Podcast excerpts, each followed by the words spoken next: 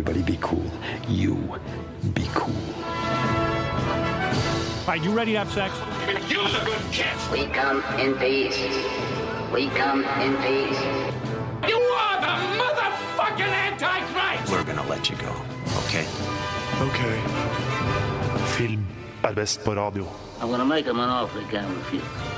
Nova Noir.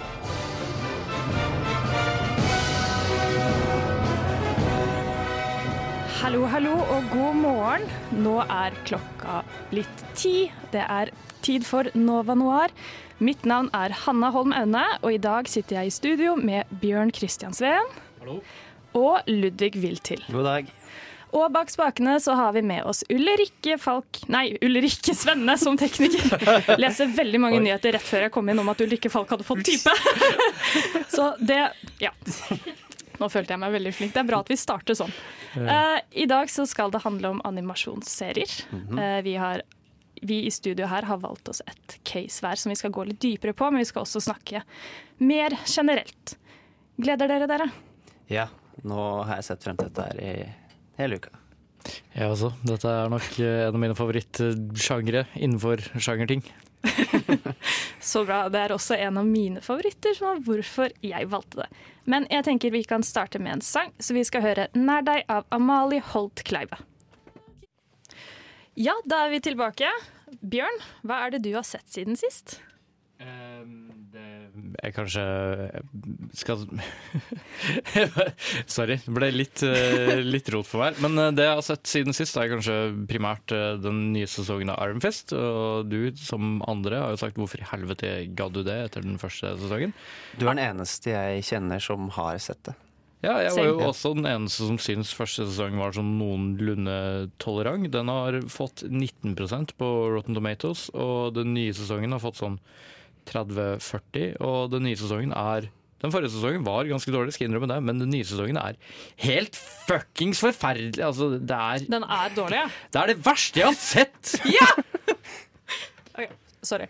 Herregud, øh, altså Blank framstår som et mesterverk i forhold til den nye sesongen av uh, Jeg skjønner ingenting. Jeg Men jeg må ikke. si som en hater at jeg er ikke overraska. Det var jo liksom hinting til at dette her ikke kommer til å bli noe bra, og så fortsetter du å se på det. Men det hadde vært så lett å gjøre det bare helt OK. Men du ser liksom bare i måten det er lagt opp på, det er sånn der, sånn typ, de har ikke giddet å tenke ferdig før de har begynt å, å spille inn. Så det er plottlinjer som ikke har noen ting å si for noen ting i hele verden. Og, og karakterene blir ikke de, de har ingen hensikt, og de har ingen identitet. Det er bare Det er piss. Det er piss ganger piss. Så du har ikke tenkt å se videre, da, antar jeg? Nei. Nei. Eh, eller jo, det kommer jeg helt sikkert til å gjøre. Men, eh, men eh, Jeg syns vondt brennevin er godt au, som det heter. Men, eh, Men da er den et spørsmål at- hva du syns om de andre Marvel-seriene. Som, eh, som jeg ikke syns er så bra, da, som Daredevil og sånt. Ja, jeg syns de er ganske OK. Ja, ok. Det, ja, jeg syns de er ganske bra. Og så sa jeg vel eh, at på et eller annet tidspunkt at eh, jeg mente Luke Cage var en av de beste seriene jeg noensinne hadde sett. Og det, det første sesong i hvert fall holder jeg liksom meg noenlunde Du står ennå på den. Ja, det er, det er, det er tight, det. Det er godt laga, det. Luke Cage er han som kom ut av um Han har eh, skuddsikker hud. Ja, det er Ja. han som var med i Jessica Jones. Ja, Ja. riktig. Ja, den Ja. karakteren. Nei, det orka jeg ikke å se på. Nei. Det, Ja, Det har jeg sett eh, Paradise PD. Det anbefaler jeg ganske mye. Så lenge du liksom ikke er sart, fordi de kødder med allting og alle. Så egentlig uansett hvilken legning du har, hvilket politisk parti du stemmer etc., så kan du nok finne noe å bli fornærma for der. Eh, og det er klart det er lov, men kanskje ikke oppsøk serien da. Men Paradise PD anbefalt av meg, i hvert fall. ja, så bra. Mm. Ludvig, hva er det du har sett på? Eh, Jeg har sett det dokumentariske mesterverket 'Exit Through the Gift Shop' for kanskje hundrede gang. Har du sett den? Den har jeg Oi, ikke sett. Det er bra, det. Det er, det er så morsomt at det er uh, alle andre dokumentarer med altså humoristiske dokumentarer bare faller under. Det, altså, det handler om en fransk kunstner som bor i Los Angeles. Eller kunstner, han er kunstner nå. Han er egentlig bare, I utgangspunktet var han bare en fyr som likte å ta video av alt. Han er bare sjuk. Han, han, han- han kjøpte et videokamera og slutta bare aldri å filme. Han bare filma alt, alt og alle, og så altså, intro, han, Og så var han kjent med folk gjennom fetteren sin med, i graffitimiljøet rundt omkring i verden. Så han ble, fikk eh, liksom tilbud om å filme dem da, mens de holdt på med sitt. Og han, han Banksy, han street art-kunstneren som har lagd filmen, han eh, ville egentlig lage en film om street art, men så fant han ut at kameramannen hans var mer interessant enn street art, så han lagde en dokumentar om han istedenfor. Og det er Det er Ja, det er helt fantastisk. Og jeg tror jeg, jeg tror jeg anbefalte den her på lufta flere ganger, men jeg gjør det igjen. For nå er det såpass lenge siden. Uh, nei, man må bare se den, eller man må nesten bare oppleve den. For han, han Thierry, som han heter, han, han det handler om, han er bare så spesiell og helt sikker på sin sak. Og, litt, litt sånn naiv og Å, vi skal invadere Disneyland for eh, å lage litt street art. Kjempeulovlig. Men ja, jeg blir med på det. Det er jo gøy, da. Hva var det den het igjen, sa du? Exit through the gift shop. Exit through the gift shop. Det skal jeg sjekke. Det er altså på et større plan noen ganske sånne morsomme eksperimenteringer med kunstbegrep og hva kunst betyr for folk. og sånne ting også. Så på et helt dønn seriøst plan så kan du også nyte den filmen. Og Ja, hvis du er null interessert, så er det fortsatt bare Helt utrolig morsomt. Så bra, da. Jeg har sett på en veldig morsom serie som heter American Vandal. Og det som er kult med den, er at det er en serie om eh, en high school i USA hvor det er eh, en, eller Lærerne har en sånn separat parking lot, og så er det en elev som har tegnet peniser på alle bilene. Og så er det en sånn mockumentary da, hvor det er en dude som skal liksom finne ut av Oi, hvilken elev er det som har gjort det? For det er en som har blitt beskyldt, men var det egentlig han? Og så blir det en sånn syk konspirasjonsteori gjennom hele. Det jeg liker mest, tror jeg er at de som spiller i serien, er ikke 30 år gamle. Du vet liksom hvordan, For eksempel i 13 Reasons Why, hvor alle gikk rundt og bare Yeah, I'm in high school, og så har alle sånn half sleeves og bare er sånn Ja, ja, jeg er så 16 år. Du ser liksom bare skyggen av skjeggveksten liksom kommer og går i hver CD. Det er litt som at du, Bjørn, med litt sånn fullt skjegg skulle være sånn Ja, jeg er 15. Men De må bli Jeg- barbert mellom hver jeg hadde skjegg da jeg var 15, så, Så, såpass sånn som du har nå. Nei, ikke akkurat sånn som jeg har nå, men uh, hadde, hadde ganske frodig skjeggvekst da også. Ja. Men så fint for deg, da. Mm, så, mm. så jeg er dårlig eksempel. Der hørtes jeg veldig sjalu ut. Fint for deg, du hadde fint skjegg, da. Um, da tenker jeg at vi kan ta en ny sang, og det er 'Talk to Me' av Fabik and Jafunk. Hei, velkommen tilbake. Nå skal vi snakke om litt filmnyheter. Ludvig, har du lyst til å starte? Ja, jeg skal ikke snakke om noe spesifikt, jeg bare har lyst til å rante litt. Det, Ja, vær så det, god. det er altfor mye supernytt. Nei, ikke supernytt, det er sånn NRK-greie. Altfor mye superheltnytt. Nå, for jeg er litt lei, fordi superheltsesongen er jo sen vår sommeren. Og nå er vi godt i slutten av september. Og da tenker jeg kan ikke ligge litt nå i noen måneder. Og så våkner jeg til bare masse, masse, masse superheltnytt. Og jeg blir bare sur og lei. Hvorfor det, da? Jeg, jeg, så Jeg er jeg- helt enig med hvorfor det. jeg liker superheltfilmer helt greit, men uh, det er liksom som å åpne avisen man uh, leser mest, og så er det det samme hele tiden. Det samme om og om og om igjen. Ja, for du bare merker at de skal tiltrekke seg lesere, da. Men- så Da lurer jeg på vi, Eller jeg har veldig lenge tenkt på hvor lenge er det dette Marvel-styret kan holde på uten at folk blir lei. Ha! Ha! ha kom. Ja, hvorfor ha? Tiår. det kan holde på kjempelenge, men det er ikke det. Det kan godt være Marvel-nyheter, men de skal, det er så veldig sånn nitpicky-nyheter òg. Sånn farge Jeg kom over en nyhet for noen dager siden. Fargen på en, noe superheltdrakt passa ikke inn i hva som var i originale tegneserien, og det hadde blitt sånn ramaskrik. Eller sikkert, eller sikkert ikke ramaskrik, men journalister hadde laget et ramaskrik. Og så er det en to sider lang greie om det. Det er, eh, altså, det er hovedproblemet med superheltgreiene for min del, er at folk var fans før det ble en stor ting. Fordi de har nå veldig mye makt over liksom, generell fandom. Ja, at, eh, at fansen føler seg tråkket på, rett og slett. Altså, eh, nei, Old school-fansene. Ja, og de er jo liksom sånn type eh, det Alltid hvis du har liksom et eldre søskenbarn eller noe sånt noe, som uh, introduserer deg for kule ting, så er jo de autoritetene. Og sånn er det i stor grad rundt på forumer rundt omkring også, tror jeg. Jeg husker at det var veldig mye styr rundt hvordan Doctor Strange skulle se ut. fordi i, ser, eller i tegneseriene så er jo han en helt vanlig mann, og så når han får kreftene sine, så blir han mer og mer Asian, liksom. Og det var jo noen som faktisk hadde lyst da, til at eh, David, nei, Benedict Cumberbatch skulle se Asian ut. At det måtte være Eller to skuespillere, eventuelt. Ja, eller det, da. Så det var liksom sånn sykt accurate på hvordan de ville at han skulle se ut. Det visste jeg ikke. Det høres bare veldig merkelig ut. Altså, Hvorfor jeg- gjorde de det grepet i tegneserien? Nei, det tror jeg fordi hun, eller hun som ble det eldre da, i tegneserien, så var hun Asian. Hun var asiatisk. Så eh, det var liksom sånn greie da når han fikk disse kreftene, så ble han mer og mer asiatisk i utseendet. Ja, det er kanskje en av de tingene jeg liker best med de her eh, Marvel-Netflix-seriene, er at eh, de, de i hvert fall til en viss grad liksom skjønner at det blir for dumt å lage en kostyme-origin-story på alle, alle karakterene, så de heller bare liksom skipper litt uh, kostymestyret. Men så selvfølgelig så er det en eller annen sånn derre Å ja, men den drakta er skuddsikker. Jeg vet ikke. Det, altså Superheltkostymer ser skikkelig dumme ut. Ja, men det har de jo alltid gjort. Ja, få det bort! Få det bort. Få det bort.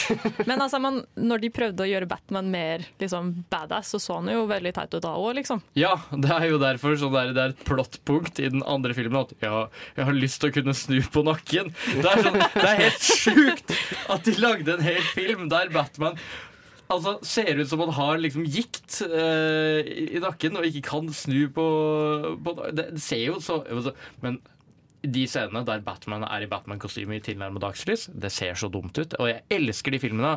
Fantastiske filmer. Men superheltkostymer er idiotiske. Ja, det er det. Men Bjørn, har du en nyhet, da? Kanskje du også kan rante litt? Uh, ja, det, det vet jeg ikke. Det er ikke så rant-nyhet, egentlig. Det er jo Noen har kanskje fått med seg at uh, Veronica Mars kommer tilbake til TV-skjermen. Ja. Hulu har bestilt uh, åtte episoder. etter at de hadde den der Kickstarter-triumfen i 2014, så har tydeligvis noen funnet ut at her er det mer penger å hente. Og Kristen Bell har tydeligvis ikke hatt noe bedre tilbud på en stund. Jeg vet ikke. Eh, så de skal i hvert fall reboote. Jeg var veldig fan da jeg var liten. Du var det? Ja, det er rundt sånn uh, barneskolealder, tenker jeg. Jeg vet ikke helt om jeg føler meg gira på den tingen her, Nei. men eh, ja, det blir sikkert bra. Kanskje, det jeg kanskje synes er mest morsomt, er at det kom i løpet av liksom, det siste døgnet at, eh, at um, Kareem Abdul-Jabbar, eh, legendarisk Basketballspiller? basketballspiller, er ansatt som uh, writer på serien. Det, Kanskje han er dritfan? da? ja, ja, men altså har han tydeligvis også kjempemye skriveerfaring. Men uh, det, det er bare litt sånn gøy, spesielt. Ja. Jeg, Det er hå- litt jeg håper ikke at serien At det blir sånn som da de reboota X-Files. At det var en sånn opplagt cash grab. Ja, det er sant. Med bare noen få episoder. Og siden det bare var åtte, sa du. Var det standarden i serien òg? At det bare var åtte episoder? I, i, min, I min bok så er det som regel åtte episoder betyr at uh, det kommer til faktisk til å bli ganske bra. Ja, det er bare at hvis de har forandra for mye på det originale formatet, så kan det være et rødt flagg også, tenker jeg. Hvis, Ja, hvis det, det, blir sånn håper jeg jo at X-Files-greie. de har. Hvis ikke så kommer det til å se ekstremt utdatert ut. Ja, det er sant. Ja. Men det er flere ting som skal bli endra på, eller endra på, da, men som skal bli remaka. Eh, Det har jo kommet ut at eh, han som regisserte I, Tonja, Craig Gillespie, han skal eh, Gillespie. Gillespie, ok, takk. Han skal nå lage en remake av Thelma, den norske filmen. er fort. Eh, Det var veldig, veldig fort. Eh, Og Screen Rant skriver jo at det var veldig lite eller det var veldig få folk i USA som så denne filmen. Men de påpeker også at denne filmen kommer nok til å suge. Så, Hvorfor det? nei, av andre Av liksom past experience, da. Eksempel Oldboy, som vi har snakket om. Når Oldboy ble gjort amerikansk, så gikk jo det rett til helvete. Og det gikk veldig til helvete. Det gikk veldig veldig til helvete. Den filmen bare translata det ikke i det hele tatt. Og det er jo morsomt, for nå skal også Train to Busan bli eh, gjort om. Um, og det er jo en av de favorittfilmene mine fra i fjor. Den er jo nydelig. Den er kjempebra. Det er Um, kanskje verdt å nevne at både Oldboy og Train to Busan er fra Sør-Korea. ja, Og at det er virker det. som det er ikke kompatible land, hvis man skal Men det er litt gøy, fordi du fortalte oss at eh, i Sør-Korea så er Thelma en kjempestor film. Ja, jeg var i Sør-Korea bare for et eh, par uker siden, og gjennom alle kinoene som jeg gikk forbi, da var eh, Thelma plass da, med er de litt- store filmene. Det er litt gøy at det går en sirkel der. Uh, altså, eh, Sørkoreanske filmer blir adoptert til det amerikanske markedet. Det blir også uh, Thelma, og Thelma er kjempestor i Sør-Korea. Kanskje de også har fått det via Sør-Korea? Kanskje det. Eh, det kan hende. Ja. Men jeg møtte mange folk som hadde sett på den og bare 'Å, går du på UiO? Det er jo der Thelma er!' og jeg bare 'Ja, det er det'. Men eh, jeg vil jo ikke at dette skal skje.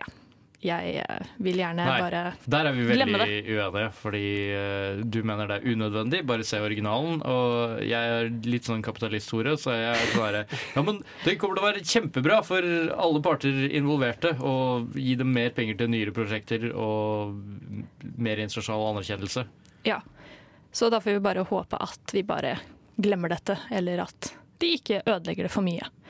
Men eh, nå skal vi ha en liten sang. Vi skal høre 'Undo' av Transviolet.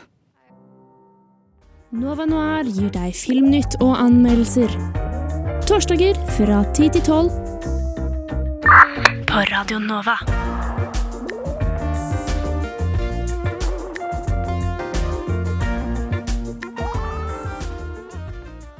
Der hørte vi 'Undo' av Transviolet. Uh, Temaet for uh, dagens sending er jo animasjonsserier, så jeg tenker vi kan sparke i gang med å snakke litt om hva er det som gjør en animasjonsserie bra?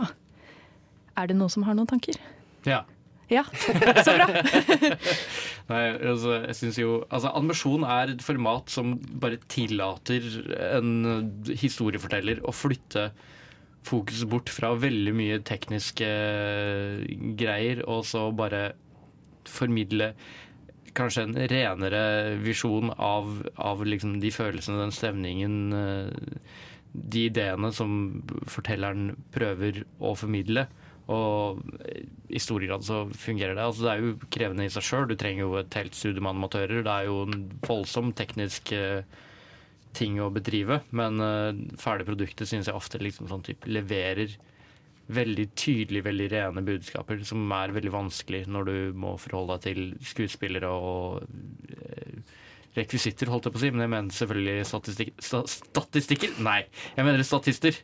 Eh, så det er egentlig liksom det jeg føler er iboende bra med animasjon. Da. Ja.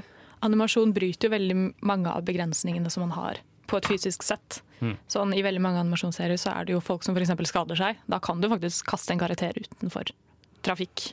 Og så Mm. har det jo egentlig ikke noen konsekvenser for de som er stemmen, liksom. Det, det kalles impossible humor på, på engelsk. Jeg vet ikke om man kan si umulig humor på norsk, men det er der du bryter fysikk, da. Fordi hvis du prøver det i live action, så blir det veldig, veldig rart. Ja. Eller Det da, da må du i hvert fall karikere det veldig mye. Ja. Og så er det sånn, der, sånn type eh, at det stort sett formidler en eller annen følelse, som f.eks. Liksom, eh, å føle som jeg er blitt overkjørt av et godstog.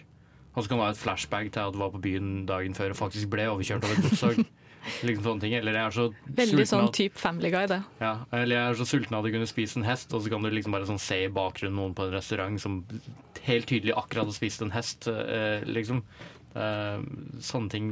Jeg liker det veldig godt, men jeg har også veldig bokstavelig humor, da. Når man, Ja. når man løper utfor et stup, og så fortsetter man å løpe helt til man ser ned og innser at man er utenfor stupet. Sånn, Ja. type, Ja. det, sånn syns jeg er veldig gøy, for eksempel. Det er, veldig, det er veldig mange som mener at animasjon skal appellere mest til barn. Ja. Og det synes jeg jo at hvert fall Da er du dum. Ja, men Det synes jeg liksom animasjon aldri har gjort. For Hvis du ser på de gamle Disney-animasjonene, så er det veldig åpenbart at dette her er jo ikke for barn. Mm, ja. Vi, vi diskuterte jo det at både du og jeg har litt den samme erfaringen, Hanne. At, eh, at eh, noe av de barne-TV-seriene som vi vokste opp med, tenker vi tilbake på nå er liksom nesten litt traumatisert av. Ja, det, det er veldig mye som også før gikk på Nickelodeon og Cartoon Network som ikke var Det var ikke barneserier. Nei, Det, kanskje spesielt Nickelodeon. Det Ja. var, eh, Det var rare greier. mye sjukt, altså. Men det, det, er sånn, det er sånn jeg har lagt merke til Ikke har lagt merke til før jeg ble eldre. Fordi eh, mange av disse seriene syns jeg var morsom som Jeg syns det bare var morsomt som kid. Jeg har ikke, jeg har ikke opplevd at det er kjemperart og kjempemorbid før jeg liksom har truffet 16-17-årsalderen. Og liksom Oi, det var eh, ja, den var litt drøy, ja, liksom. her var det drøyt. Og så er, det jo mye referanser til mye seksuell og religiøs og satirisk humor gjemt i mange av disse. Johnny Bravo. Johnny Johnny Bravo. Hallo, slutt på, har du lyst til å være med hjem og se på våpenet mitt? Det, det husker jeg veldig godt eh, den dag i dag. Ja, altså det er jo veldig mye som ikke er for barn, men det er jo kanskje litt fordi ja, Vi skal jo snakke om dette etterpå også, da, men for, det må jo være litt morsomt for foreldrene også å se på. Siden barn drar jo med seg foreldrene sine på hver sånn Se, nå skal vi se på et eller annet rart, og så sitter foreldrene der bare åh, går an, liksom.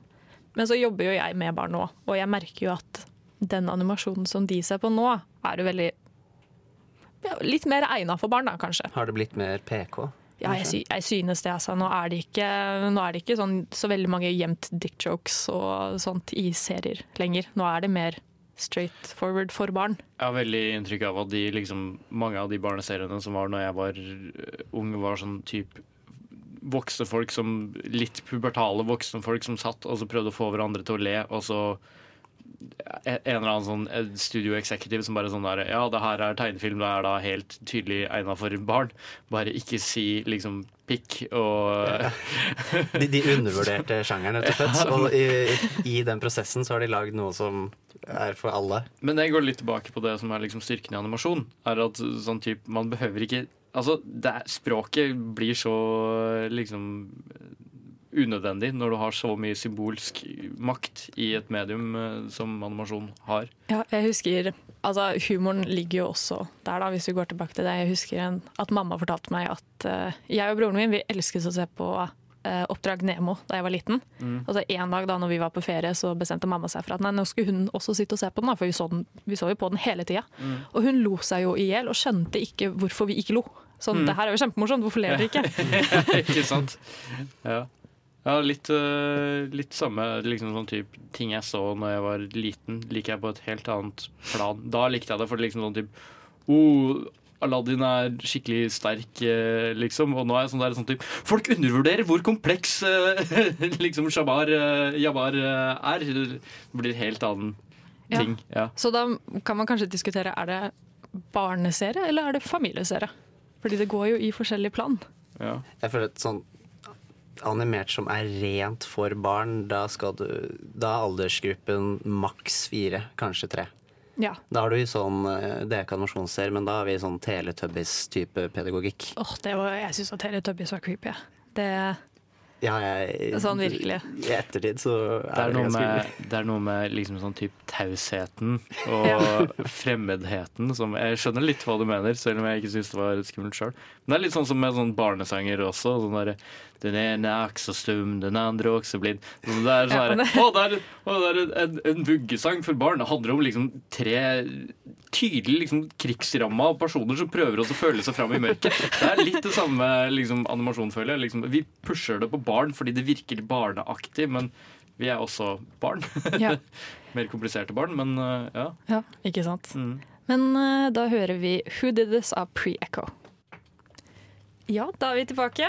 Jeg tenker at vi nå kan hoppe over til litt sånn produksjonssnakk. Fordi produksjon og animasjon syns jeg alltid har vært veldig morsomt. Helt fra jeg var liten og så på Wallace og Gromit behind the scenes, så syns jeg at den, at den prosessen har vært veldig spennende. De grandiøse filmene på en måte som lages på noen få små bord Ja. med bitte små dukker. Ja, små leirefigurer som de plasserer bortover frame for frame. Det må være sykt frustrerende om de gjør noe feil, eller om de må gjøre om en hel scene. Jeg tror jeg hadde klikka, jeg. Jeg liker én stop motion-skaper, og det er Ivo Caprino, og alle andre gjør dratt til helvete.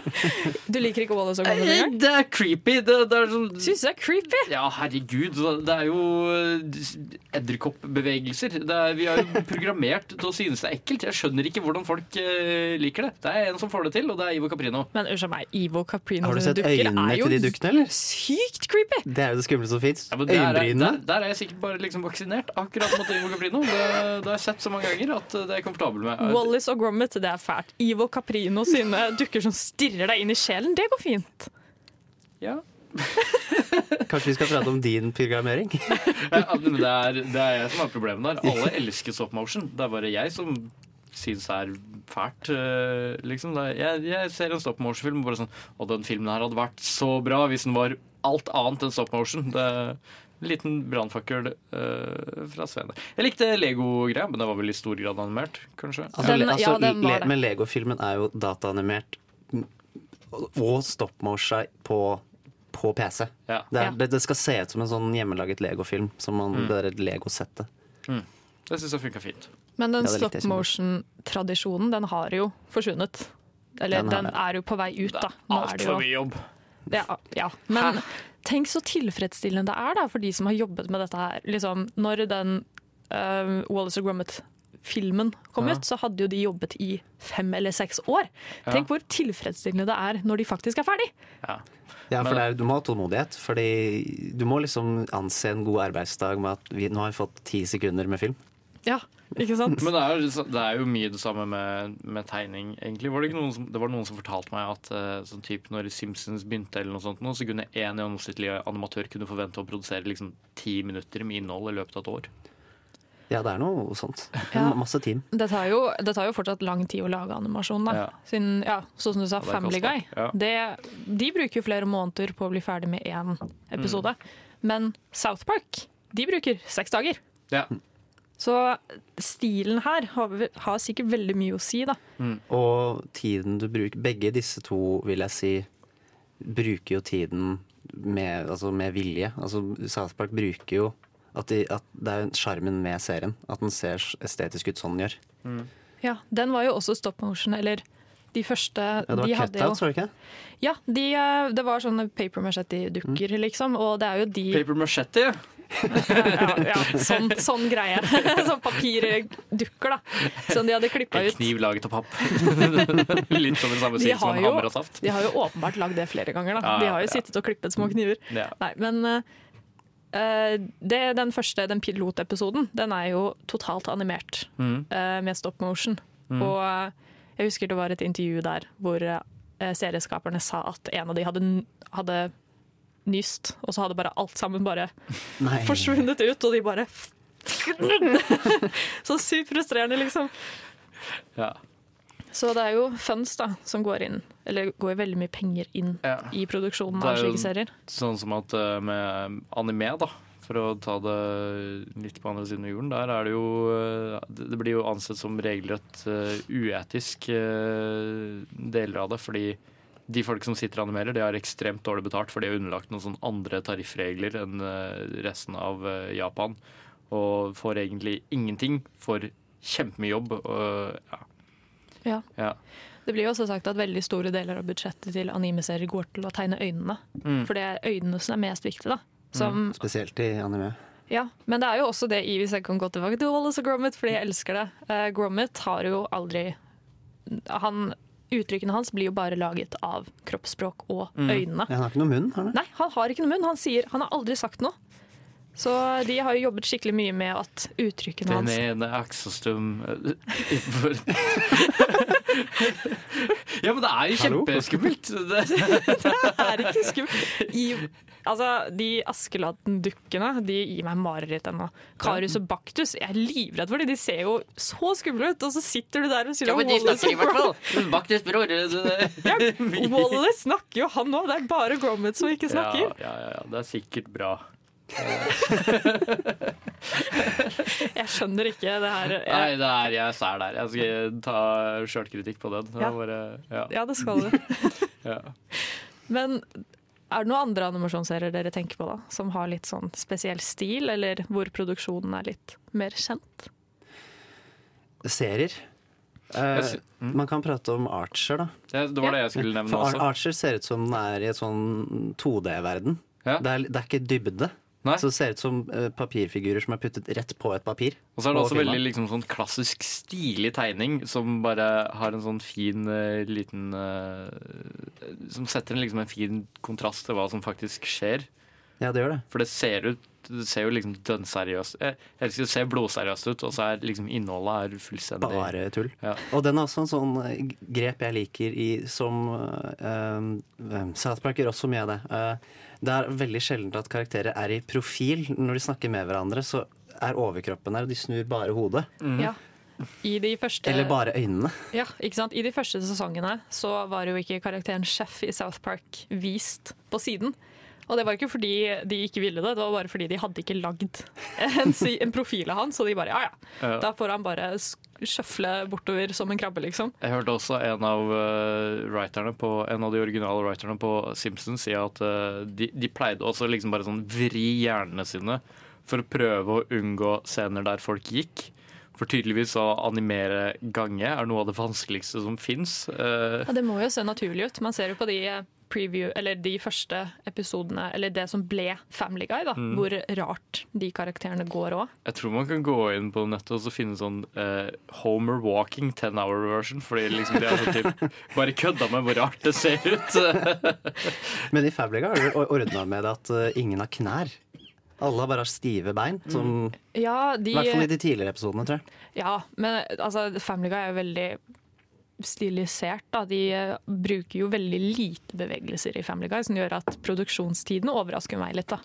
Kampscener i Family Guy, beste all over er real life eller ikke. Kyllingkampene jeg kan se på det bare fordi liksom bare sånn Bare den gleden jeg får over liksom når et, når et slag ordentlig liksom treffer i Family Guy, så ser det liksom Når Det det, ser går veldig inn, morsomt inn i ut. ansiktet deres sånn. Ja, de slow motion-greiene, men de er Men Ja, det også, men bare sånn der De er bare jævlig flinke på liksom sånn type få ting til å se ut som det faktisk treffer, som er vanskelig i animasjon. Det, det syns jeg er eh, imponerende. Mm. Ja. Samme med eh, American Dad. Som American er min Dad, ja. Seth. For nå eh, har jo Seth Rogan laget tre spin-off-serier. Seth MacFarlane. Seth, ja. Ja. Seth Mac Hva var det jeg sa? Rogan. Rogan. Jeg er helt ute av det. Jeg sier feil navn hele tida. Ja, men eh, han har jo American Dad, Family Guy og den The Cleveland Show. Det er ja. borte nå, tror jeg. ja, det ble jo kansellert, han har flytta tilbake til. Family Guy, tror jeg. Flytta Ja. tilbake til gata. Det gikk jo ikke bra med den serien, for det var ingen som så på den. Det gikk De- overraskende lenge, da. Det Fire gjorde år det. Det var jo også en, en vits i Family Guy hvor eh, Peter, hovedkarakteren, får eh, Eller ringetonen hans er liksom teamsangen til The Cleveland Show, og så sier han ja, det er trist at veldig mange som ser på nå, ikke vet at du hadde et eget show. Men da tenker jeg vi hører 'Marry Me' av Farao. Du lytter til Radio Nova. Det var 'Marry Me' av Farao, og nå skal vi hoppe på våre case. Og Ludvig, du skal få lov å starte med Robot Chicken. Jeg starter med Robot Chicken, og jeg har vel egentlig fulgt denne serien så lenge den har gått, tror jeg. Det er altså Seth Green sin serie. For ikke, de som ikke vet om det er, så er det hva er han mest kjent for? Han er liksom ikke superkjent. Han er- lille rødhåra fyren som er med alt. med briller, som er med alt, men som kanskje ikke folk vet hvem er. Han var varulv i Buffy. Han var uh, Han var litt her og der. den handikappa kapteinen i uh, Nei, handikappa piloten i uh, Mass Effect. den originale Mass Effect-trilogien. spill, ja, spillene, ja. Ja, ja. For han er jo litt uh, han er overalt. Ja, men han er litt nerd av seg, og det vises jo i denne serien her. For vi pratet mye om stop motion i stad, Han er veldig morsom i Entourage. Ja, sant, det er en drittsekk. Ja.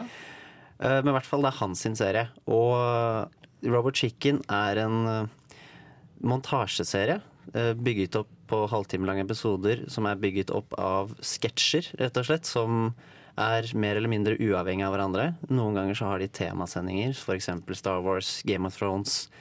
Veldig mye nerd i Seth Green On. Eh, og vi kan gi en liten smakebit om hvordan serien funker. Nature, an unending fight against extinction. And nowhere is that contest more brutal than in the badlands of television. Well, we survived cancellation for another season. That's a 20 footer.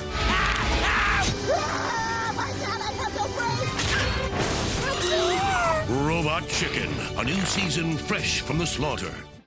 Det høres ut som det er kaos, og det er det jo. Det er en ganske hva kan man kalle det, hyperaktiv serie.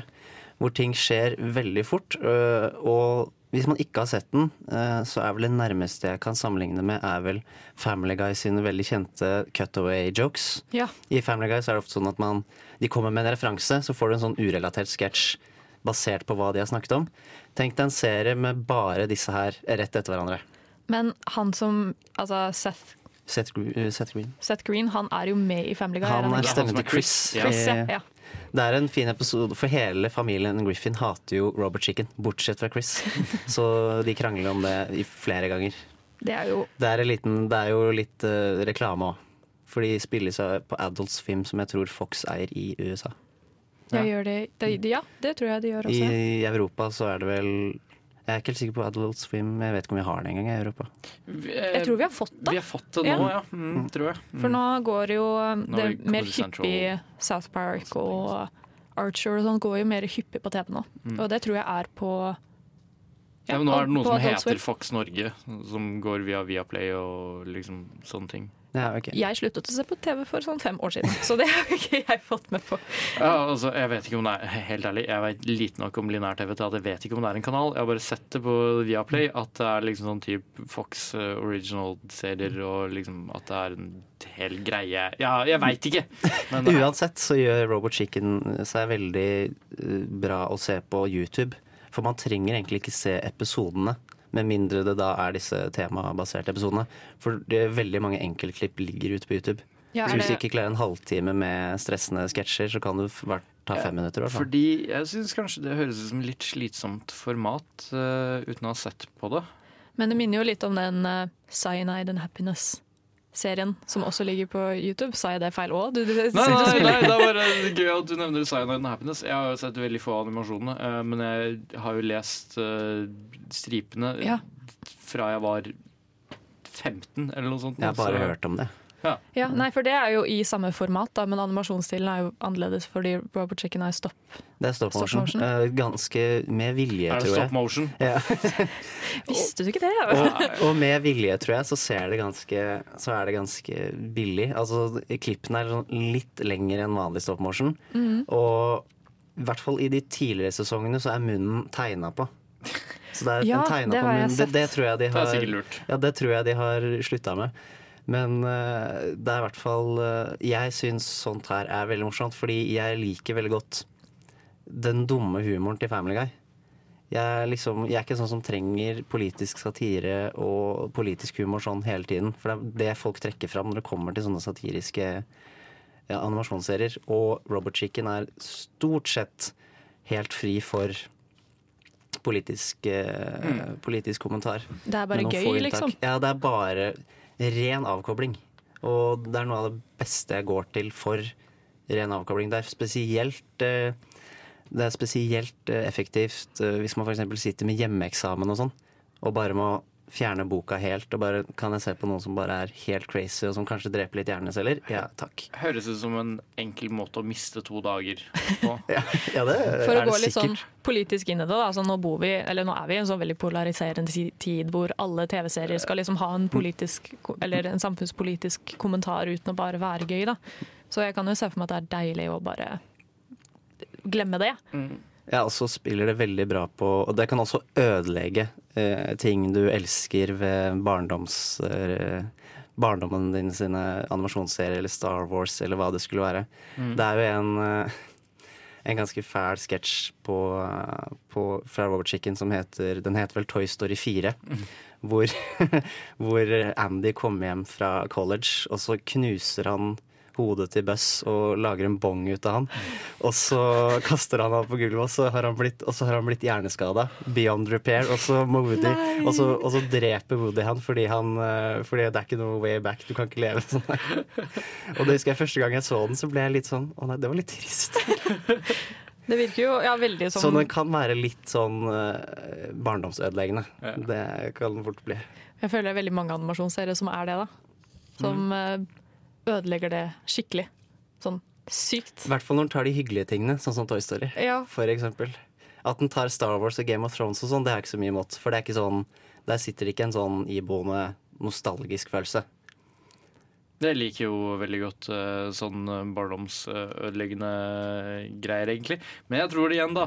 Fordi jeg er litt sånn, her, sånn typ Jeg var kanskje litt irritert på mye av den barne-TV-en som gikk uh, da jeg var liten, for at jeg skjønte den ikke. Og jeg skjønte jo ikke, har jeg funnet ut etter at jeg hadde blitt eldre, fordi jeg var for ung til å, å skjønne den, men allikevel så ble den markedsført mot meg. Så når du liksom da sånn typ jeg var, jo, jeg var jo overbevist om at jeg likte det, men jeg skjønte det jo ikke, og så var jeg veldig forvirra og sikkert litt dramatisert uh, på en eller annen plan. Så når du liksom da kommer da med Robert Chicken for eksempel, og så ødelegger det litt, så jo da, det er veldig liksom trist å se barndommen eh, sakte bli eh, drept, men det skjer uansett, og du blir i hvert fall litt sånn frigjort fra kanskje sånn eh, barndomsforvirringen, da.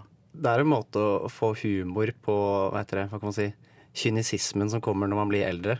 Mm. Og, Ja, det kan jo og være. det er nok det som er, ligger til bakgrunn for mange av sketsjene, tror jeg. Mm. At man liker liksom ikke ting på samme måte som man Men jeg mener, det er jo fortsatt lek, på en måte. Det er bare lek på et mer avansert plan. De leker jo med figurer og lager bong ut av Buzzlighter. Mm. Så det er liksom ikke Så voksen blir man aldri. Nei. Nei. Kan dere relatere? da? Har dere lagd en bong ut av de gamle lekene deres? Nei. det er på bucketlisten. Jeg driver ikke med sånt. Du driver ikke med sånt? nei, men det er bra. Det er derfor jeg er blitt en så gøyal, avslappa person uh, som jeg er. Er. Fordi du ikke har lagd en bong ut av de gamle Ja. leketøyene dine. ja. Ja. Vi hører Tau av Holy Ship. Du hørte Tau av Holy Ship, og nå skal jeg få lov å snakke om min favorittserie. Det er South Park. Nå har du kledd i fingeren, er det ikke det? Åh, jeg har gleda meg så sykt mye. Jeg, eh, vi har jo snakket om at eh, vi begynte jo å se på South Park, begge vi to, når vi var altfor unge. Altfor unge. Alt for unge. Tror det begynte på barneskolen, men da visste jeg ikke hva jeg så på. Nei, jeg begynte også å se på det sånn rundt 7. klasse, og så plukka det seg opp på ungdomsskolen. Men eh, jeg var jo eh, ikke spesielt moden, så jeg skjønte jo ikke hva jeg så på. Men i senere tid så har jo dette blitt min favorittserie, da. Den hadde jo et, en liten død periode, da, synes jeg.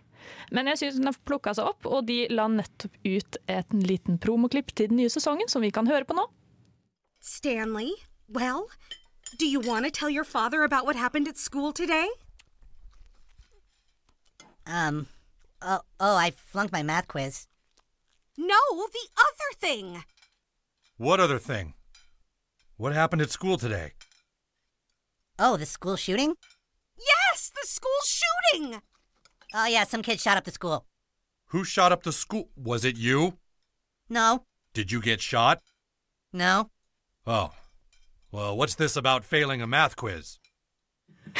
Uh, South Park har jo alltid vært veldig gode på å poengtere spesielt hva som skjer i den amerikanske kulturen, og nå er det jo et hot topic. eh, skoleskytinger og hvordan folk ikke bryr seg, virker det som.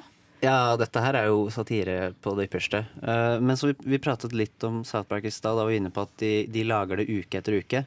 Ja. Og det, det gjør dem jo desto kanskje mer relevant til hva som skjer akkurat nå. Ja. Hvis du ser episoden helt fersk, så er det jo gjerne noe som har skjedd siste, i løpet av den siste måneden, i hvert fall.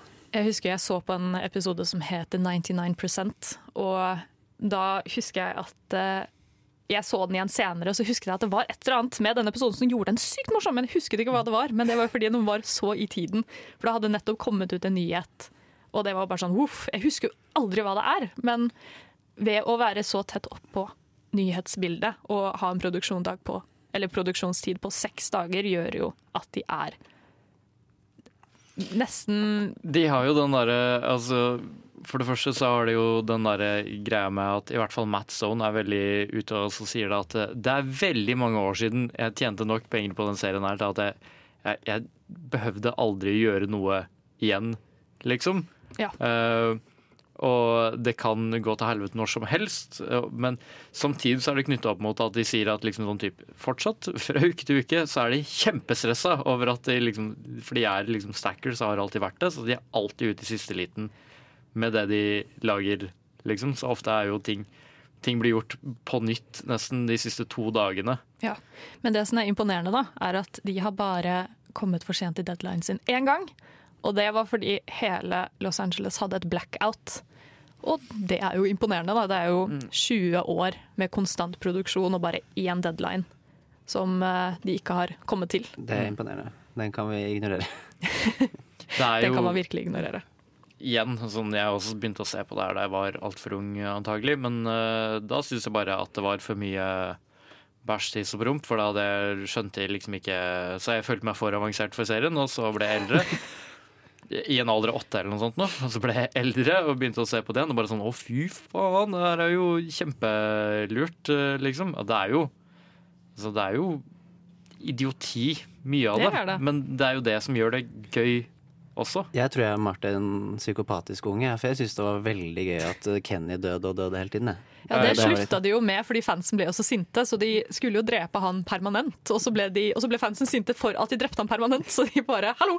Så det har Man de jo slutta med, da. Nei, man kan ikke vinne med Kenny. Det er kanskje en av mine favoritt-arker med The Coon. Ja, The Coon. Ja. Ja, og... Mysterio. Og du finner ut at det er Kenny som har funnet ut at han basically har den superkraften at han kan ikke dø. Altså, beste Marvel sånn parodi noensinne. Mm. Virkelig. Jeg synes at det Det har jo blitt et spill også, og har jo vært superpopulært som spill.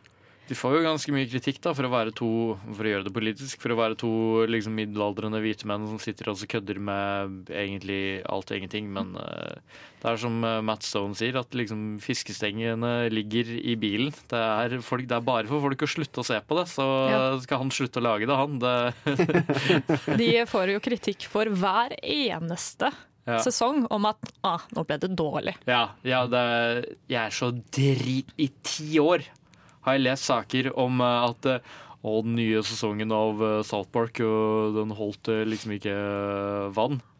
Og så kommer det igjen og igjen og igjen. Og igjen Og det vil fortsatt holde på, da, men det er jo, man sier jo det samme om liksom. Man prøver jo alltid å være foran Hvis du er kritiker, så må du være foran curven og vet du, være, den, være den som melder på riktig tidspunkt at eh, nei, nå går det ikke lenger. Det, ja. ja. Serieskaperne Stone, Matt Stone og Trey Parker de trodde jo at South Park skulle slutte etter tredje sesong. Mm. Fordi da var de bare sånn åh, det her ble jo sykt dårlig. Så da lagde de en film som de trodde da ville være serieslutten. Men så ble filmen så populær. Big Long Run Cut var, Ja. ja. fy faen, var massiv eh, suksess. Massiv, massiv suksess. Og det kom jo som en overraskelse. Grunnen til at den filmen er en musikal, er Mm. jo fordi de tenkte ah, got nothing left to lose, liksom. Liker også bare måten jeg liksom kødda med, med sensorbyråene og liksom sånne ting. At eh, nei, de fikk ikke lov til å vise en penis, så de viste en dildo i stedet for. Men det de ikke fortalte sensor, eh, var at liksom sånn type dildoen er faktisk et bilde av en penis. Ja. Eh, De eh, har jo gjort veldig mye. Det har vært veldig få ganger hvor de faktisk har hørt på. Advokatene sine da, at dette her er ikke en god idé. Den ene gang, eller En av de ene gang de har gjort det, var den gangen de hadde lyst til å direkte si at Tom Cruise var gay. Mm. Så sa advokatene det er ikke lurt, så de sendte han fysisk inn i et skap istedenfor. Ja. Det er en herlig episode. Det er Det er- en så bra episode! Tom Cruise-køddinga og påfølgende søksmålet er jo grunnen til at det står foran hver eh, at at de bestemte seg for at OK, vi skal bare for å prøve også å hegne Altså bare for å liksom sånn typ gjøre oss så usøksmål altså, Så umulig å, å, å sue ut som uh, overhodet mulig, så står det jo foran hver South Park-episode This program should not be viewed by anyone. Ja, på, Ja. på slutten der. ja. I uh, scientologiepisoden sin også så står jo alle creditsene til John og Jane Smith. Fordi scientologikirken har en tendens til å saksøke alle som gjør narr av dem. Mm.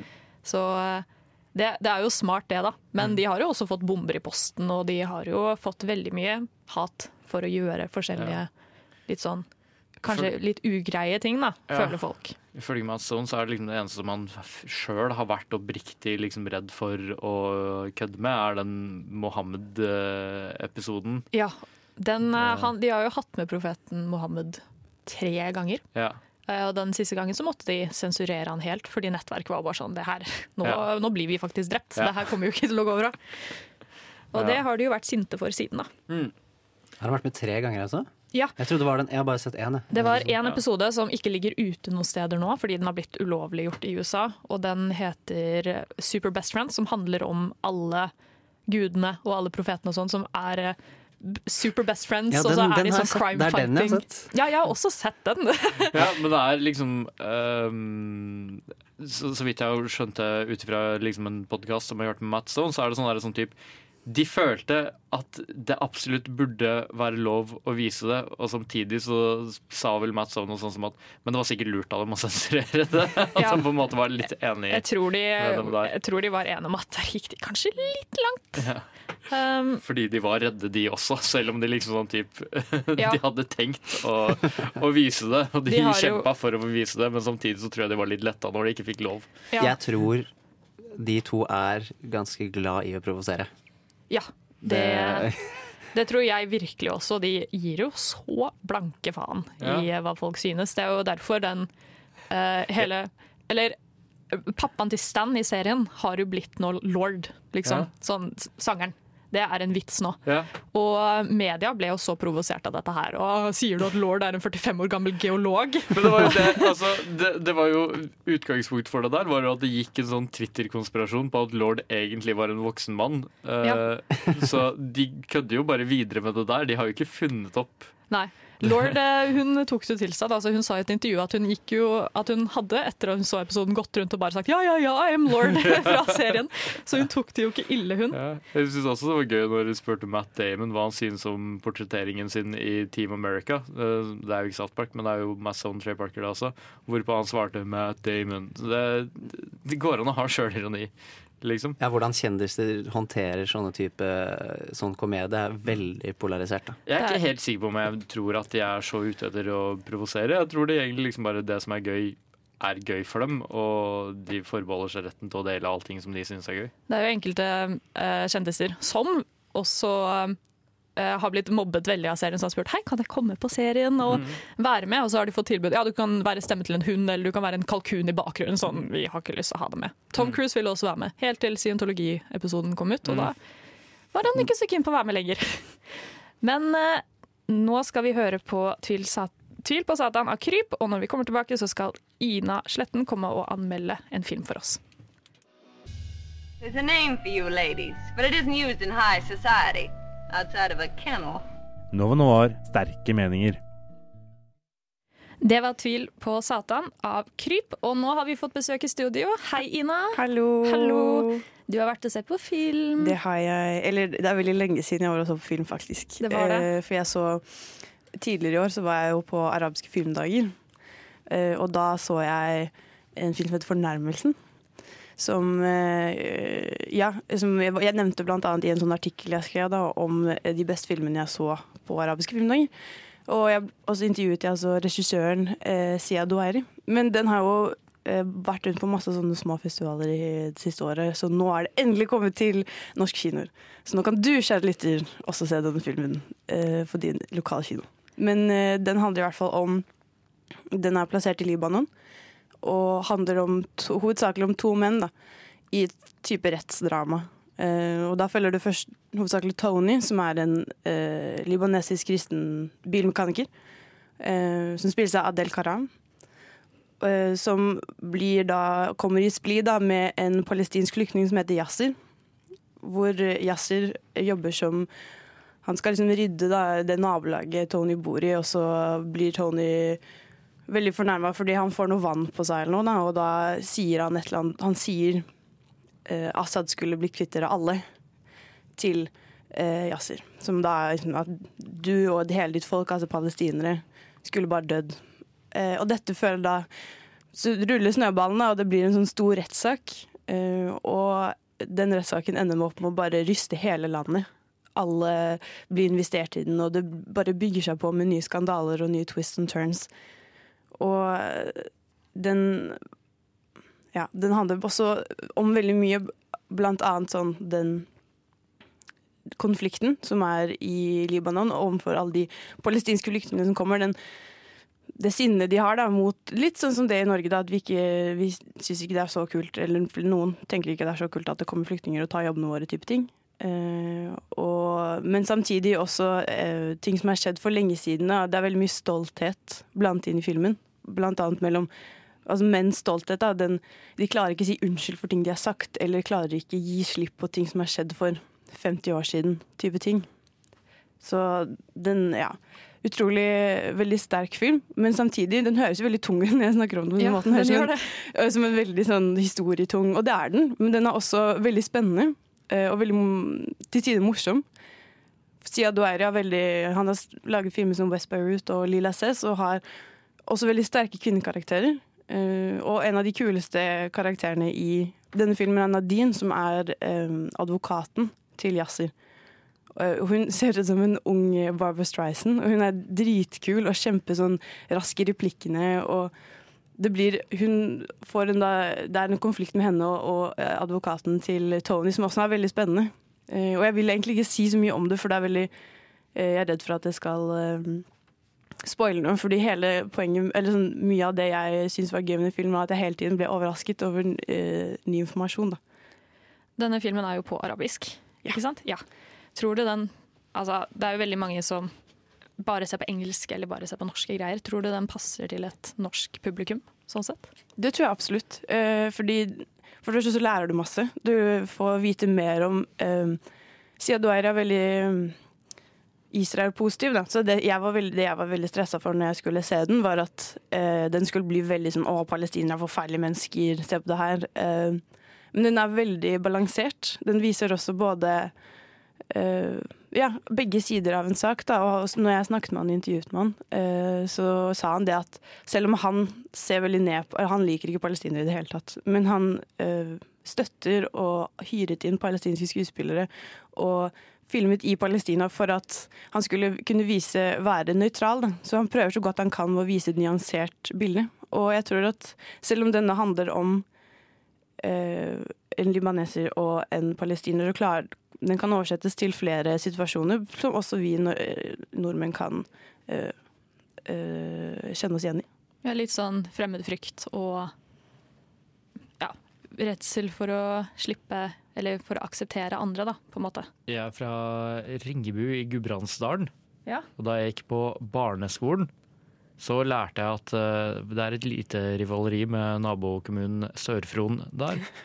Og da jeg gikk på barneskolen, så ble jeg fortalt av min samfunnsfagslærer at eh, ja, det er det historisk presedens eh, på. Og hun fortalte oss da om en krig som fant sted på fjellet på jeg tror det var i 850. Og det var krig mellom uh, Sør-Fron og Ringebu, og Ringebu vant. Og ifølge da min lærer, som lærte meg det her som del av pensum uh, Egentlig ikke som del av pensum, da, men uh, i hvert fall på skoletid. At, og det har sørfrøningene aldri greid å glemme. Og det er derfor vi har det rivaleriet med, med Sør-Fron den dag i dag. Fullstendig oppspinn, selvfølgelig, men poenget mitt er at Sånne konflikter finnes i større og mindre grad mellom familier, mellom kommuner. mellom religioner og eh, østkanten, vestkanten, Oslo etc. Så kanskje du skal ta med deg eh, slekta di da, og se på denne filmen? Den burde sikkert bli satt opp eh, på utekino i Ringebu og Sør-Fron. På Frya antageligvis, sånn midt mellom grensa til begge. Men Ina, hvis du skal gi denne filmen en karakter, hva hadde du gitt den da? Jeg syns denne filmen er utrolig bra. Jeg så Jeg lærte så mye av den, samtidig som det er en spennende film. Jeg, liksom, det var ingen tidspunkt hvor jeg kjedet meg. Eh, og alle karakterene er utrolig godt gjennomført. Alle har god bakgrunnshistorie. Det er utrolig gode skuespillerprestasjoner her. Og veldig innviklet, men samtidig um, veldig fint fremført. Og jeg blir utrolig imponert over Sia Doeri, som har klart da, å har bare laget litt sånn små filmer fra Libanon, og nå har blitt, han, denne filmen var Oscar-nominert eh, til beste foreign film. Vant ikke, da, men i hvert fall den var nominert. Samtidig så er det noen, eh, blant annet kjæresten til Tony, Rita, hun, hun blir også litt satt i bakgrunnen, og det var litt irriterende. Hun var en utrolig sterk karakter, først, eller sterk kvinne, når hun først var på skjermen, men så ble hun på en måte bare hans motivasjon da, i løpet av filmen.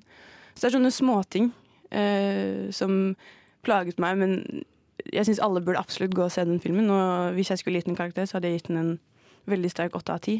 Oi, såpass. Ja, eh, fordi den eh, Du får et helt nytt innblikk, da. Eh, og du lærer den Det som eh, filmen bygger på, kommer til å gi deg du får, Man hører jo så mye om sånn Israel- og Palestina-konflikten, men her er de små hendelsene også eh, som sitter igjen i eh, befolkningen. Og det var en veldig sterk, og, men som sagt veldig fin film. Takk, Ina. Det var en anmeldelse av Fornærmelsen ute på norsk, norske kinoer nå. Eh, da skal vi over på å høre på Slay Queen av Malgirl. Det var Resister av She Drew The Gun. Eh, nå, Bjørn, så skal du få snakke om din animasjonsserie. Yes. Eh, det er da Bojack Horseman, som jeg kanskje er det, altså det er en av de beste TV-seriene jeg noensinne har sett, eh, og dermed også veldig høyt oppe på lista uh, over animasjonsserier. Og det her er en serie som jeg mener er oppe med liksom Sopranos og The Wire og de virkelig uh, store. Um, for å liksom forklare premisset litt, så er det, det er et avslutningsteppe til den serien som jeg tenkte vi bare kunne høre litt grann på.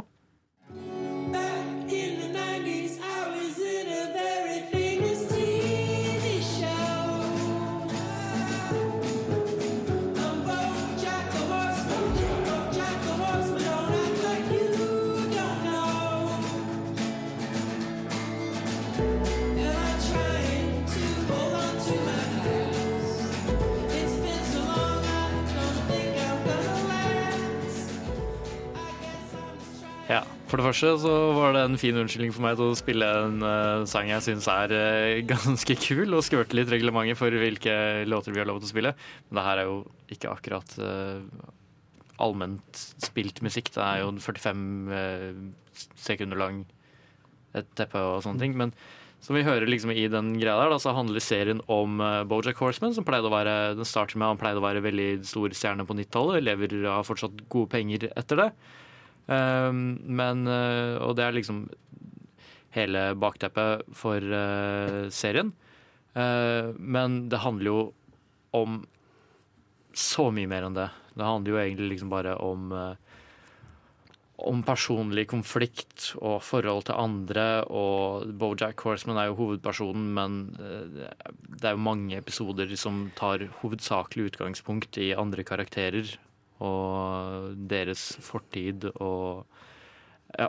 Det er, det er vel kanskje viktig å nevne at dette er en verden hvor mennesker og antropomorfiske dyr lever Ja. hånd i hånd. Ja, og det er, eh, det er Som de sier, den delen av sangen som eh, vi ikke hørte, så er det sånn derre I'm more horse than a man, og I'm more a man than a horse. Eh, Det er liksom Det er også at allting er antropomorfisk, og at man har liksom dyremennesker. Det, det, altså det setter det så fint preg på identitet og hvor liksom forskjellige folk er. Fordi alle er liksom mennesker, men du har fortsatt en sånn fantastisk verden der alt er mulig, og alle kan ha alle mulige egenskaper. Noen kan fly, um, etc. Og det er liksom sånn type Det er ikke viktig for serien. Det som er viktig for serien, er liksom bare at folk er forskjellige og, og har forskjellig bagasje og forskjellig angst, forskjellig usikkerhet. Mm. Da jeg begynte å se på serien, jeg har bare sett et par episoder, så var jeg veldig usikker på om dette, denne blandingen da, av mennesker og dyr ville funke. Men Mm. den gjorde overraskende det. Mm. Eller det lett, da. Den uh, tok det så naturlig, liksom. Jeg greier ikke se for meg liksom, hvilken kreativ uh, visjon du har når du greier å få det der til å fungere så godt uh, som det fungerer. Hvordan du kan liksom gå så ekstremt ut på noe, og så samtidig bare, og bare skyve det til side for å liksom få fram det du egentlig vil ha fram.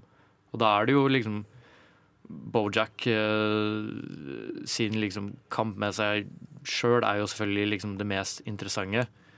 Men eh, Eller ikke det mest interessante, men det mest sentrale.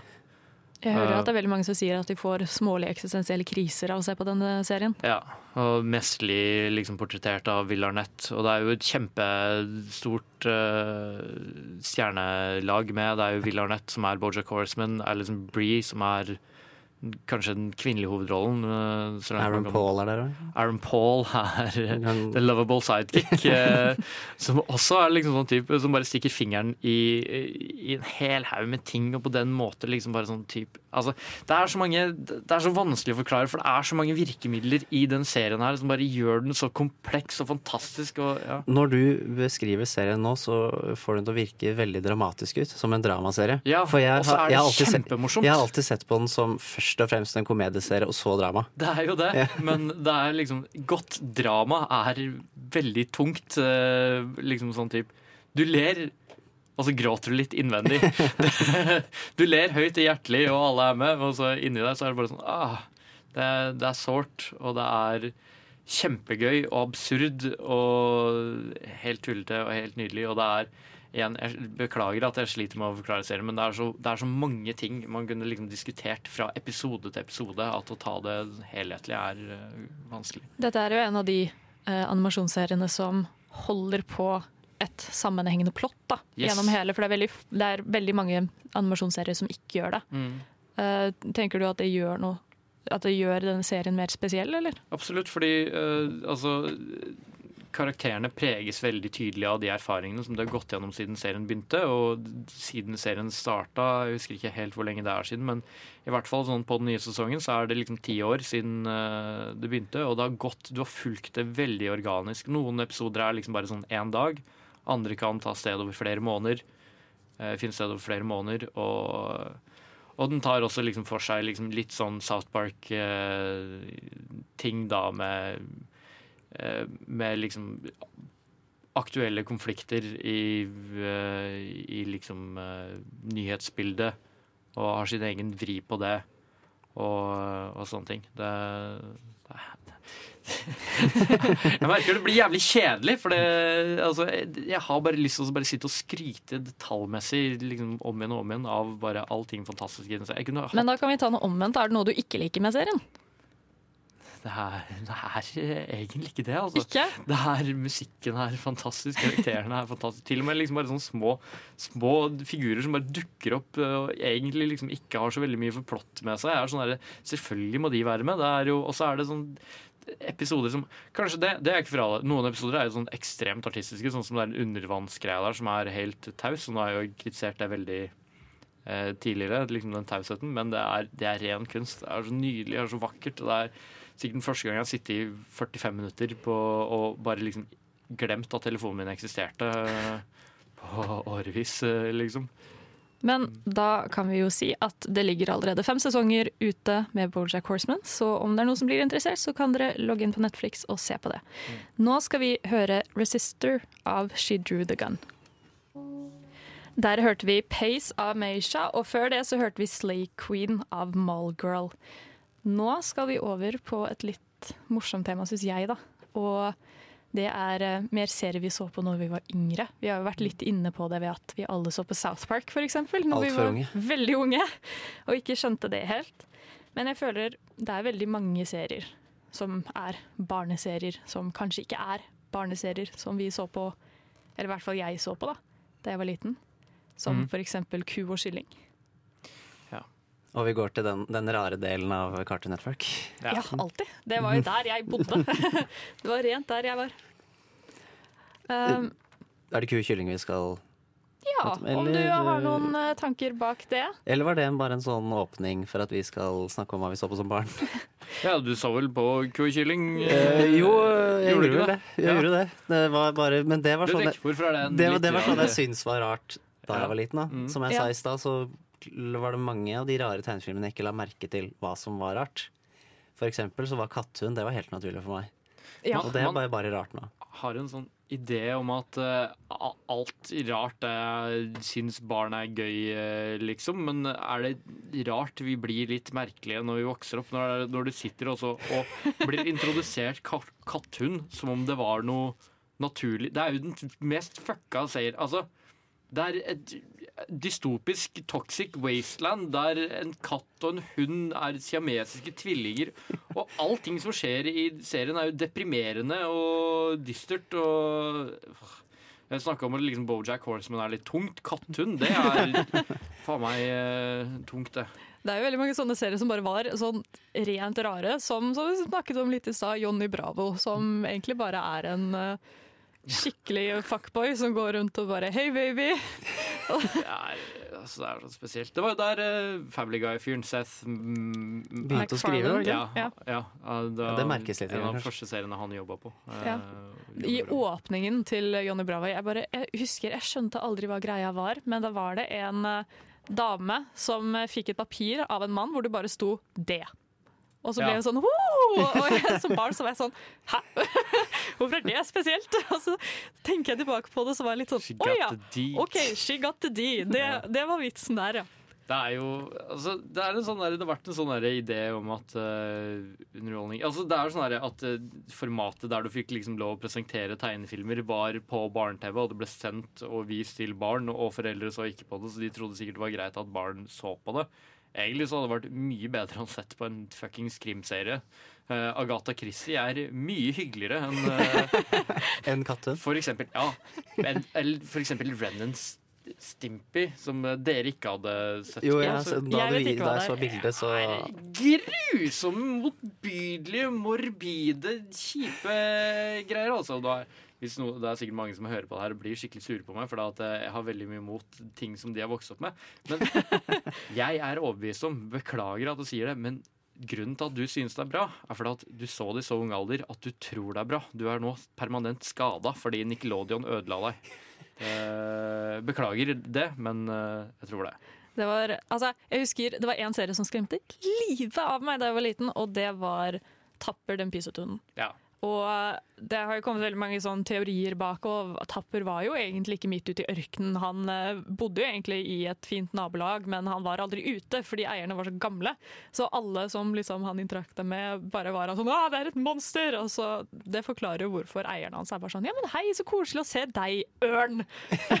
Det syns jeg er en dritbra serie, men jeg tror du burde liksom være kjønnsmoden før du ser den, for det er jo ganske skummelt. Det er veldig mange elementer av denne her som er bare helt sjukt. Jeg skjønner ikke at jeg fikk lov å se på det. Jeg tissa jo på meg av redsel halvparten av gangene. jeg, Liksom. jeg, Det var jo tror, jeg tror foreldrene våre ikke hadde dobbeltsjekka mye av disse, mye av disse programmene. Jeg tror de bare 'Å, det er tegnefilm', og det Ja, er ikke det, lagd er, jo- det, er, det er sånn som unga liker.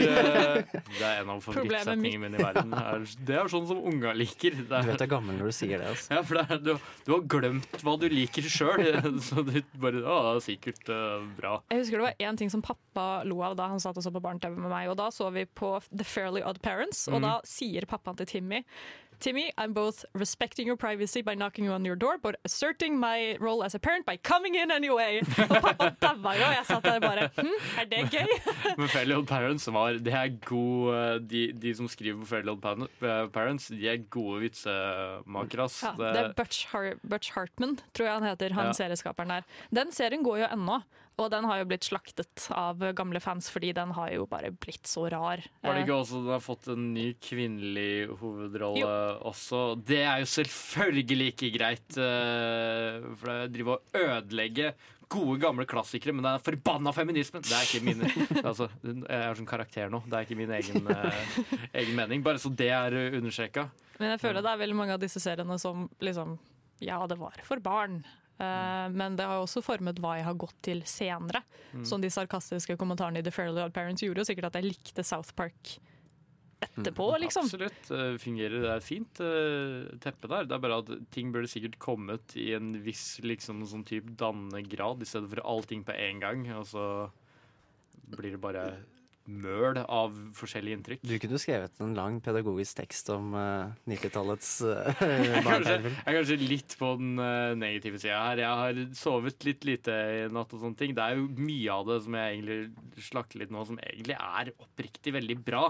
Det er bare at eh, jeg er ikke sikker på om det egentlig er lurt å vise det til barn. Jeg husker det var en eh, mor i klassen min som jeg gikk på, som hadde sagt på foreldremøtet at er det egentlig greit at barna våre ser på The Fairly Odd Parents? Mm. Fordi i en episode der så blir barnevakten mobbet på direkte-TV av Chip Skylark, han som er popstjernen, og han synger en sang som heter Ikke Vicky, som er veldig direkte mot henne, og de viser til og med bilder av henne. Så dette mente da denne foreldra at nei, vet du hva, nå mobber The Fairy Odd Parents Nå- nå- en stakkars tenåringsjente som aldri har gjort noen ting. Nå sitter jeg bare veldig overrasket over at var, var Fairly Parents så populært i din klasse at det måtte tas opp i, på foreldremøtet? Nei, du, jeg vet Nei, ikke. og jeg skal Jeg så veldig mye på det. Jeg har ikke lyst til å være en av de foreldrene som har liksom lyst til å tvinge barn til å slutte å se på ting. Jeg bare, nei, men jeg bare sånn der, litt mer oppfølging på Følg med på det barna deres uh, ser. Det er jo sånn som er veldig Terkelig knipe er jo en av mine favorittfilmer eh, også. Liksom. Det er kjempegøy. Og den skremte meg også da jeg var liten. Antakeligvis ta, ta en prat med barnet ditt etter at du har sett uh, Terkelig knipe. Forklar litt sånn der, sånn type Det her er greit, det her er ikke greit. Nå skal vi høre Blackwoods av Ivy Soul. Radio Nova. Blackwoods av Ivy Soul. Uh, gutter, hu husker dere da vi var små og så på Disney Channel, Uh, og så kom det plutselig en sånn episode Jo, Bjørn, nå ødelegger du! så kommer det plutselig en episode hvor f.eks. Kim Possible er i Hawaii med Lilo og Stitch. Jeg husker det.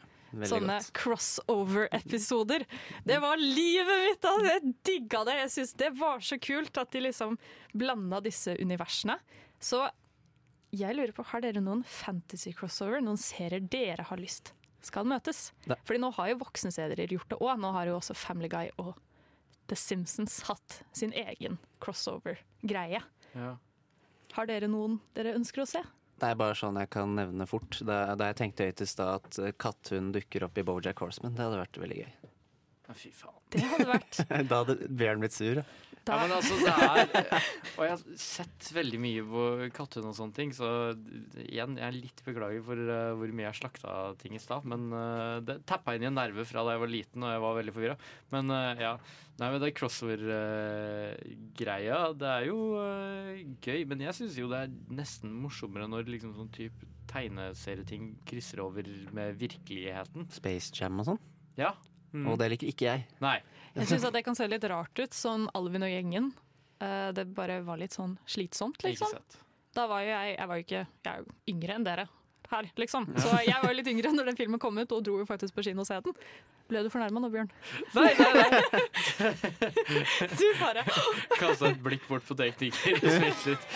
Du er ikke så mye yngre enn meg. Jeg er 25, og du er 21. Ja. Ja. Riktig.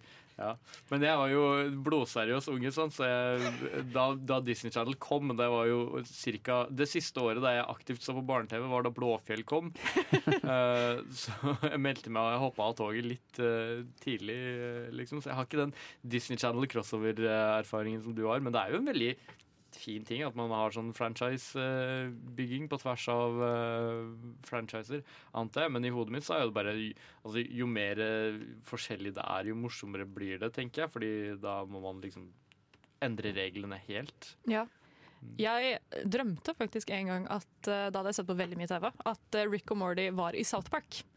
Og stilene der kolliderer jo ikke helt, da. Men det hadde vært litt uh, gøy, fordi hvem som greier å trumfe hvem i å være mest uh, liksom uh, sarkastisk, Ja. og det kunne vært dritartig, faktisk. Den, eh, Den støtter du? henger jeg veldig med på. ja. Og det hadde vært kjempelett å gjøre, for du behøver jo liksom bare få Ricky Morty til å dra til South Park-dimensjonen. liksom. Du kunne jo til og med hatt én som var animert i Rick and Morty-stil, og én som var animert i South Park-stil. jeg lurer på hvordan det hadde, hadde sett ut. Sånn Man kan jo ha man kan jo ha de individuelle stilene hver for seg, men så kan du også liksom Ja, som du sa, gjøre South Park-karakterene om til Rick og Ja, men tenk det Morty-karakterer. hadde liksom informert litt sånn her Du kunne basically sett den samme episoden i begge serier, men bare sånn hvordan perspektivet ditt, hvordan den verden du er oppvokst i, informerer perspektivet ditt, så ser du det gjennom andre øyne. En liten sånn der underting der. Å, oh, nå er jeg smart. Det er veldig. Det er Eh, litt som episoden i South Park som heter Simpsons Did It. Ja. Hvor de bare påpeker at alt vi planlegger å gjøre med serien vår, det har Simpsons allerede ja, gjort. Det er vel basert i hovedsak på at de fikk veldig mye fanmail, eller fanklagemail, på at liksom sånn Å, det dere gjorde der, og akkurat som eh, de gjorde i Simpson, og de Ja. bare var lei av det. Så, så er det sånn Slutt å fortelle oss det, vi vet det, liksom. Og sånn sett så kunne de også liksom tatt litt oppgjør med seg sjøl på å egentlig få Rick til å komme inn og så skandere serien på et eller annet vis. Eh, Det hadde jeg syntes vært veldig gøy. Altså- jeg syns jeg syns Rick and Morty burde hatt en crossover med South eh, Park. Og Trey Parker og Matt Zone burde også vært karakterer i South Park i den episoden. Det hadde vært spennende. Ja. Fordi de er jo liksom Ja, de er jo spesielle mennesker i seg selv, de òg, liksom. Ja. Men jeg lurer på um, hvordan Ja, igjen hvordan det hadde funket med eller hva, hva tror dere den episoden hadde handla om? Fordi ja, det hadde vært en sånn sarkastisk lek mellom serieskaperne. Liksom. Mm. Hvem kan være mest?